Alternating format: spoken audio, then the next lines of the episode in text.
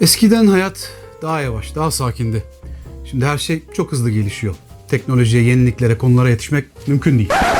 Hayırdır birader bu ne boomerlık dediğinizi duyar gibiyim. Oysa gerçekten de öyleydi. Son birkaç senede üretilip transfer edilen bilginin miktarı tüm yüzyıldakinin toplamına neredeyse eş düzeyde. Bu da iletişim teknolojilerinin hızlanması yüzünden böyle oldu. Peki 35 yaş ve üstü olanlarınıza bir soru sorsam. Hayatınız tam olarak hangi yıldan itibaren çok hızlanmıştı? Hatırlıyor musunuz? kestirebiliyor musunuz desem. Sizden bir yıla çizgi çekmenizi istesem. O çizgiyi hangi yıla çekersiniz? 90'larda bir tarih olduğunu hissediyorsunuz öyle değil mi? Kesinlikle 80'ler değil. 2000'lerde zaten çok geç. Evet yaşam 90'larda geometrik olarak hızlanmaya başladı ama hangi yıl ve neden? Bu videoda size bu sorunun cevabını, nedenini ve çok daha fazlasını izah edeceğim. Hadi başlayalım.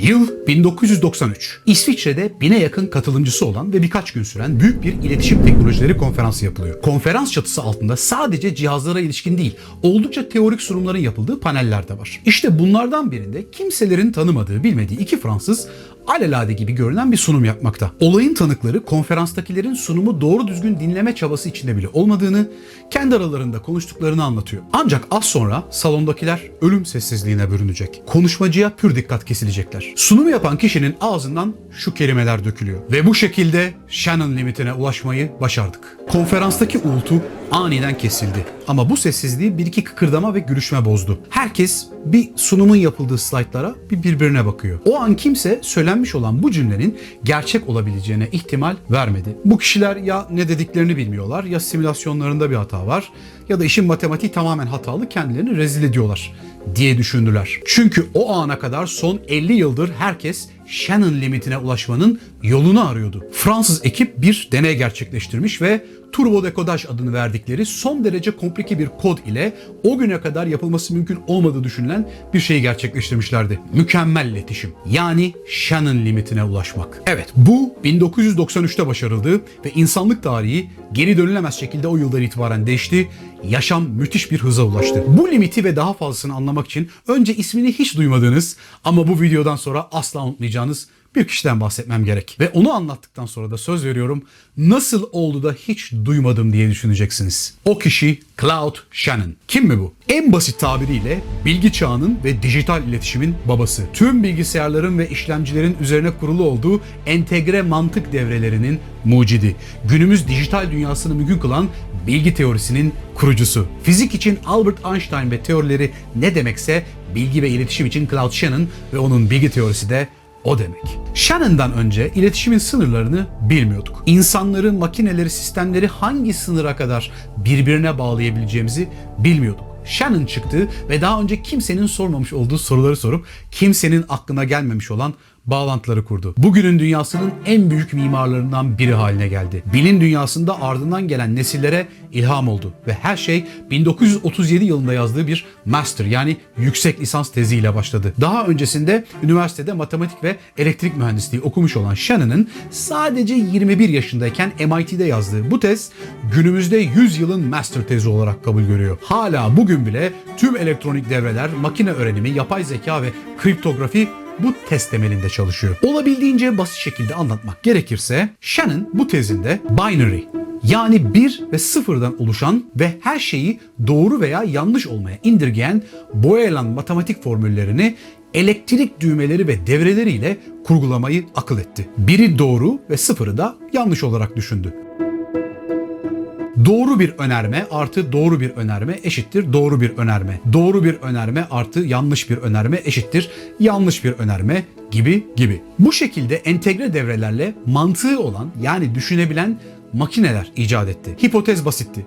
Eğer düşüncenin yasaları elektrik devrelerinde uygulanabiliyorsa o zaman bir noktada makinelerin düşünmeye başlaması kaçınılmazdır. Bu noktada tabii Alan Turing ile Claude Shannon arasında hangisinin bunları daha önce keşfettiği ya da acaba biri diğerine ilham mı oldu konusu hala tartışmalı. Her ikisi de savaş yıllarında kriptograf olarak kendi devletleri için gizli çalışmalar yürüttüler. Her ikisi de bir ara Bell laboratuvarlarında aynı anda çalıştılar. Birbirleriyle tanışıyorlardı ve konuşuyorlardı ama kriptografi çalışmaları hakkında konuşmaları yasaktı ki Shannon da kendisine yıllar sonra sorulduğunda bu çalışmalardan birbirimize hiç bahsetmedik diyor. Turing evrensel Turing makinesine ilişkin yayınlarını Shannon ile aynı yıl çıkardı. Ancak savaş sırası ve sonrasında her ikisinin de kriptografi çalışmaları üzerindeki gizlilik devam etti. Aralarındaki temel fark Shannon'ın kodlama, Turing'in ise kod çözme üzerinde çalışıyor olmasıydı. Shannon'ın çalışmaları üzerindeki gizlilik 1949 yılında kaldırılırken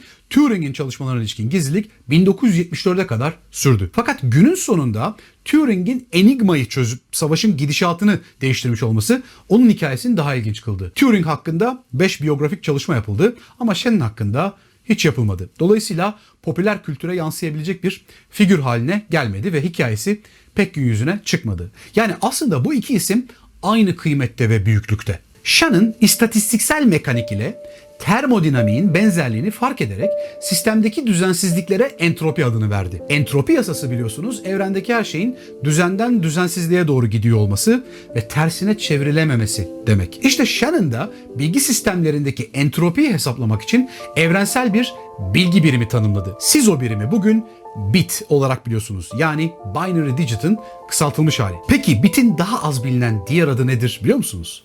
Shannon birimi. Sembolü de SH.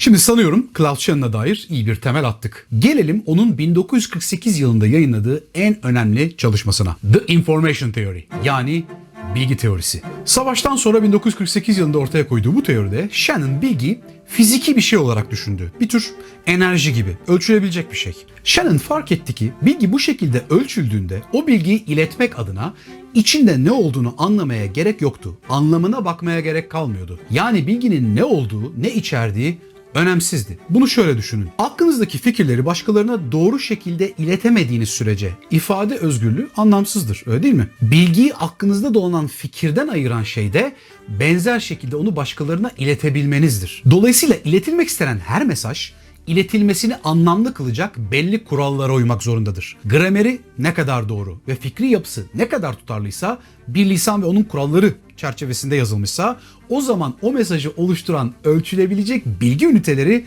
o kadar az hale geliyor. Çünkü hem dil bilgisi kurallarına uyan hem de anlattığı içeriğin tutarlı olması bakımından mantık kurallarına uymak zorunda olan bir mesaj daha bu kuralların hiçbirine uymayan saçma sapan ardışık harflerle yazılmış bir mesaja kıyasla daha az belirsizlik vardır. Daha az belirsizlikte daha az olasılık yani daha az bilgi birimi ve daha az hesaplama gerektirir.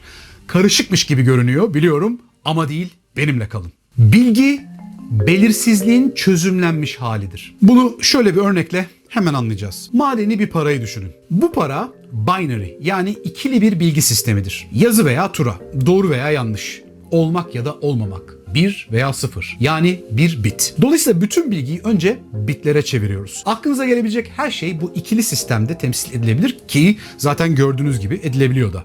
Bütün internet bunun üzerine kurulu. Şimdi bu bir biti yani madeni parayı size doğru fırlattığımı hayal edin. Bunu 100 kere de yapacak olsam her seferinde size yazı veya tura olarak ulaşması olasılığı aynı. %50.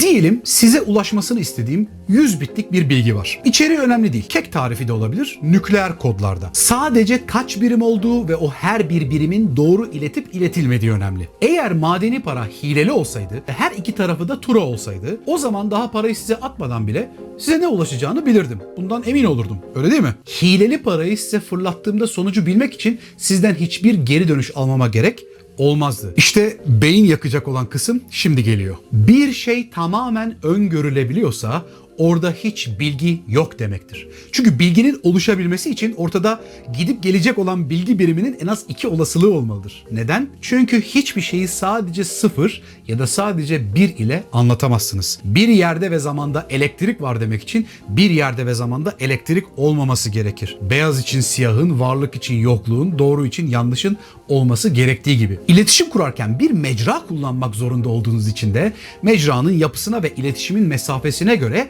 iletilen bitlerin yolda giderken bozulma veya değişme olasılığı var. Hava, su, toprak, metal, fiber optik hiç fark etmez. Tüm mecralar eninde sonunda mesajda hata oluşmasını zorunlu kılar. Bir kablo üzerinde gönderiyorsam doğa olayları sinyale etkiler. Çok uzağa gönderiyorsam sinyal gücünün zayıflayacak olması mesajı etkiler. Mesajda mutlaka noise yani gürültü veya parazitler oluşur. Şimdi eğer mesajın bir biti bile değiştiğinde tüm mesaj bozuluyorsa o mesajın doğru gideceğinden emin olmak adına yapabileceğiniz bazı şeyler vardır. Öyle değil mi? Şöyle düşünün. İki kişi uzaktan konuşuyor olsa ne yaparlardı? Mesela bağırırlardı. Yani sinyal yükseltilebilir. Peki sorunu çözüyor mu? Hayır. Çünkü mesafe uzadıkça sinyal yükselticiler koysanız bile yükselticiye gelene kadarki kısımda parazit girmişse yükseltici bu sefer araya girmiş olan paraziti de yükseltiyor. Ve yükseltici sayısını sürekli arttırmanın maliyetinden bahsetmiyorum bile. Peki mesajı doğru iletebilmek adına bir başka yöntem ne olabilir? Mesajı tekrar etmek. Yani misal 0101 şeklindeki bilgiyi arka arkaya 3 defa göndermek. Kendini 3 kez tekrar eden kodlar arasından birbirinin aynısı olan en az 2 kodu görüp onu doğru kod kabul edecek bir algoritma oluşturarak hatalı iletişim olasılığını azaltmak. Peki sorun böyle çözüldü mü? Hayır. Çünkü bu sefer de iletilmesi gereken bilgi miktarı 3'e katlandı. Yani iletişimin hızı yavaşladı, kapasitesi düştü. Ayrıca o kadar bilgiyi nerede depolayacağız? İşte bu noktada Cloud Shannon'ın dehası bir kez daha devreye girip dünyayı değiştirdi. Shannon fark etti ki kullandığı gündelik İngilizce dilinin aslında %50'si gereksiz. Türkçe üzerinden düşünelim. Arkadaşınız size şöyle bir mesaj atsa. Bu yazıları çözmeniz ne kadar zor olur? Son derece kolay olur öyle değil mi? Sadece ne yazdığını değil, diyalogta başka neler yazılabileceğini de tahmin edebilirsiniz. Çünkü o dilde ve o diyalogta geçebilecek olası cümleler, kelimeler ve harflerin sayısı dramatik şekilde azalır. Yani öngörülebilirlik artar. İşte Shannon aynı şeyi bitler içinde yapmayı akıl etti. Yani neyi icat etmiş oldu?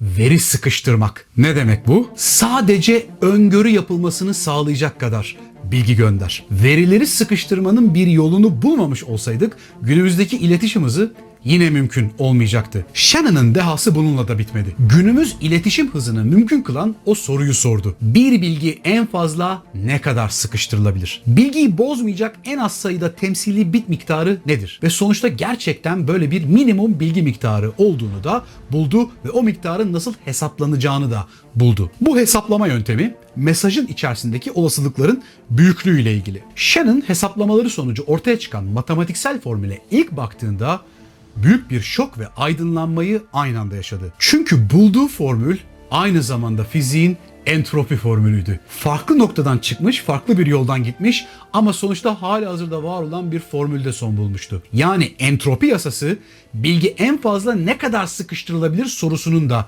cevabıydı. İşte bu cevap bilgi çağını mümkün kılan şey oldu. Şimdi bakalım neredeyiz? Adım 1. Önce her şeyi bitlere çevir. Shannon bunu akıl etti. Adım 2 tüm bitleri maksimum oranda sıkıştır. Shannon bunu da akıl etti. Ve adım 3 sıkıştırılmış olan bilgiyi kaybı ve hatayı önleyecek şekilde ilet. Dolayısıyla nereye geldik? Son adımdaki probleme. Yani bilgiyi nasıl en hızlı ve en hatasız şekilde iletebiliriz. Çünkü burada devreye fiziki kısıtlamalar giriyor. Dediğim gibi kablonun türü, sinyal gücü, elektromanyetik alanlar, evrendeki statik gürültü vesaire bunların hepsi sıkıştırılmış olan dolayısıyla eksiksiz ve doğru şekilde iletilmesi daha da önemli hale gelmiş olan sıfırları ve birleri bozabilir. Shannon bu noktada bir soru daha sordu. Acaba kullandığım her farklı mecra için kayba ve hataya meydan vermeden erişilebilecek en yüksek hız limitini hesaplayabilir miyim? Bakın Shannon'ın sorduğu tüm bu sorular çok özel. Çünkü çoğu zaman hayatınızı değiştirecek bir cevap bulabilmek için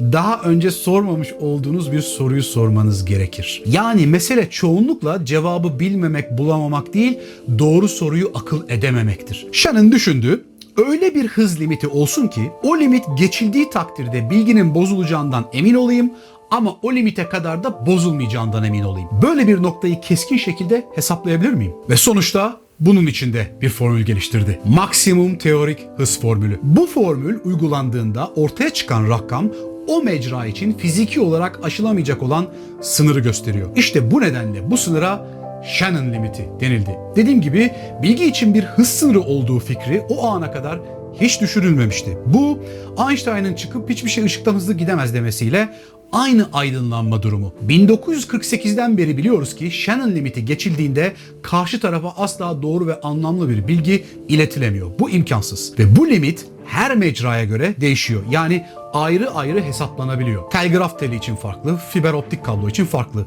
Değişik türde fiber optik kablolar için de yine farklı farklı. Shannon bununla da yetinmedi ve doğru kodlarıyla bu limite ulaşılmasının mümkün olduğunu da kanıtladı. Yani böyle bir kodun varlığını matematiksel olarak kanıtladı. Ancak bu kodun ne olduğunu ve bu koda nasıl ulaşılacağını söyleyemedi. Bu anlamda teorisyenler, mühendisler ve matematikçiler için yüzyılın bilmecesini yarattı. İşte bu nedenle 1980'lere gelindiğinde bile maksimum iletişim hızı hala saniyede en fazla 9.6 kilobitti. Yani 1 megabit bilginin iletilmesi neredeyse 2 dakika alıyordu.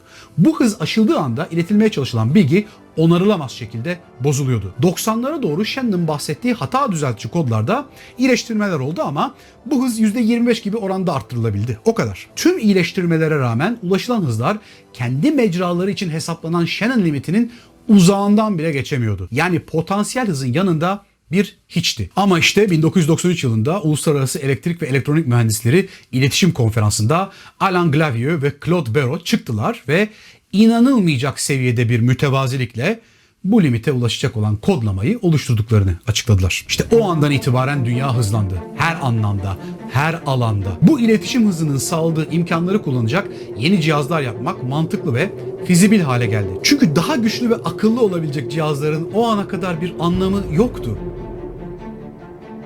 Günümüzün en kuvvetli telefonları 1992 yılında herkesin elinde olsaydı bile bir şey ifade etmeyecekti. Hiçbir uygulama çalışmayacak, işlemci kapasitelerinin hiçbir anlamı olmayacaktı. Şimdi artık bu aşamada turbo kod çözücülerin nasıl çalıştığını da merak ettiğinizi varsayıyorum. Turbo kodlara yinelemeli kodlar da deniliyor. Bu kod çözücünün kodlanmış mesajın ne olması gerektiği hakkında bir dizi tahminde bulunduğu anlamına geliyor. Her ardışık tahmin kod çözücüye geri veriliyor ve bir sonraki tahmin daha rafine hale geliyor. İşlem defalarca tekrarlandığında hata oranı ideal seviyeye düşüyor. Bundan daha fazla ayrıntıya girmeyeceğim çünkü biraz bakayım dedim ama o kadar detayını benim kafamda almadı. Hadi benim anlamamış olmam normal de. Esas ilginç olan şu. Ortaya çıktı ki turbo kod çözücü sisteminin prensibi aslında ilk kez 1960 yılında yine MIT'de bir doktora tezinde yazılmış. Ancak o dönem yazılan şey 60'ların teknolojisi için o kadar karmaşık ki kimse tezin yüzüne bir daha bakmamış. Onlarca sene boyunca tozlu bir rafta unutulup gitmiş. Ta ki 90'lara kadar. Yani 93 yılında sunum yapan Fransızların mütevaziliğinin sebebi buydu. Turbo kod çözücü algoritmaya ilham olmuş olan orijinal mucit de MIT'de Robert Gallagher adında bir akademisyen. Bugün Gallagher 91 yaşında ve MIT'de emeritus profesör olarak hala derslere giriyor. Eğer Gallagher'ın doktora tezinde ne anlatmış olduğunu merak ediyorsanız, çünkü ben biraz ettim, açıklamalar kısmında biraz aktarmaya çalıştım. Ama daha anlaşılır şekilde aktarabilecek olan uzmanlar varsa aranızda, onlar da yorumlar kısmında katkılarını yaparlarsa çok memnun olurum. Kıssadan ise bugün kablo, fiber, uydu gibi herhangi bir iletişim mecrasındaki bilginin iletilmesine ilişkin üst kapasiteye devletin düzenleyici bir kurumunun karar verdiğini düşünüyoruz. Ki hızı azaltmak isterlerse evet bunu yapabilirler. Ama yükseltmek isterlerse hiç kimse hiçbir zaman Shannon limitini aşamaz. Umarım bu videoda size yeni perspektifler kazandırmıştır. Tekrar beklerim. Ciao.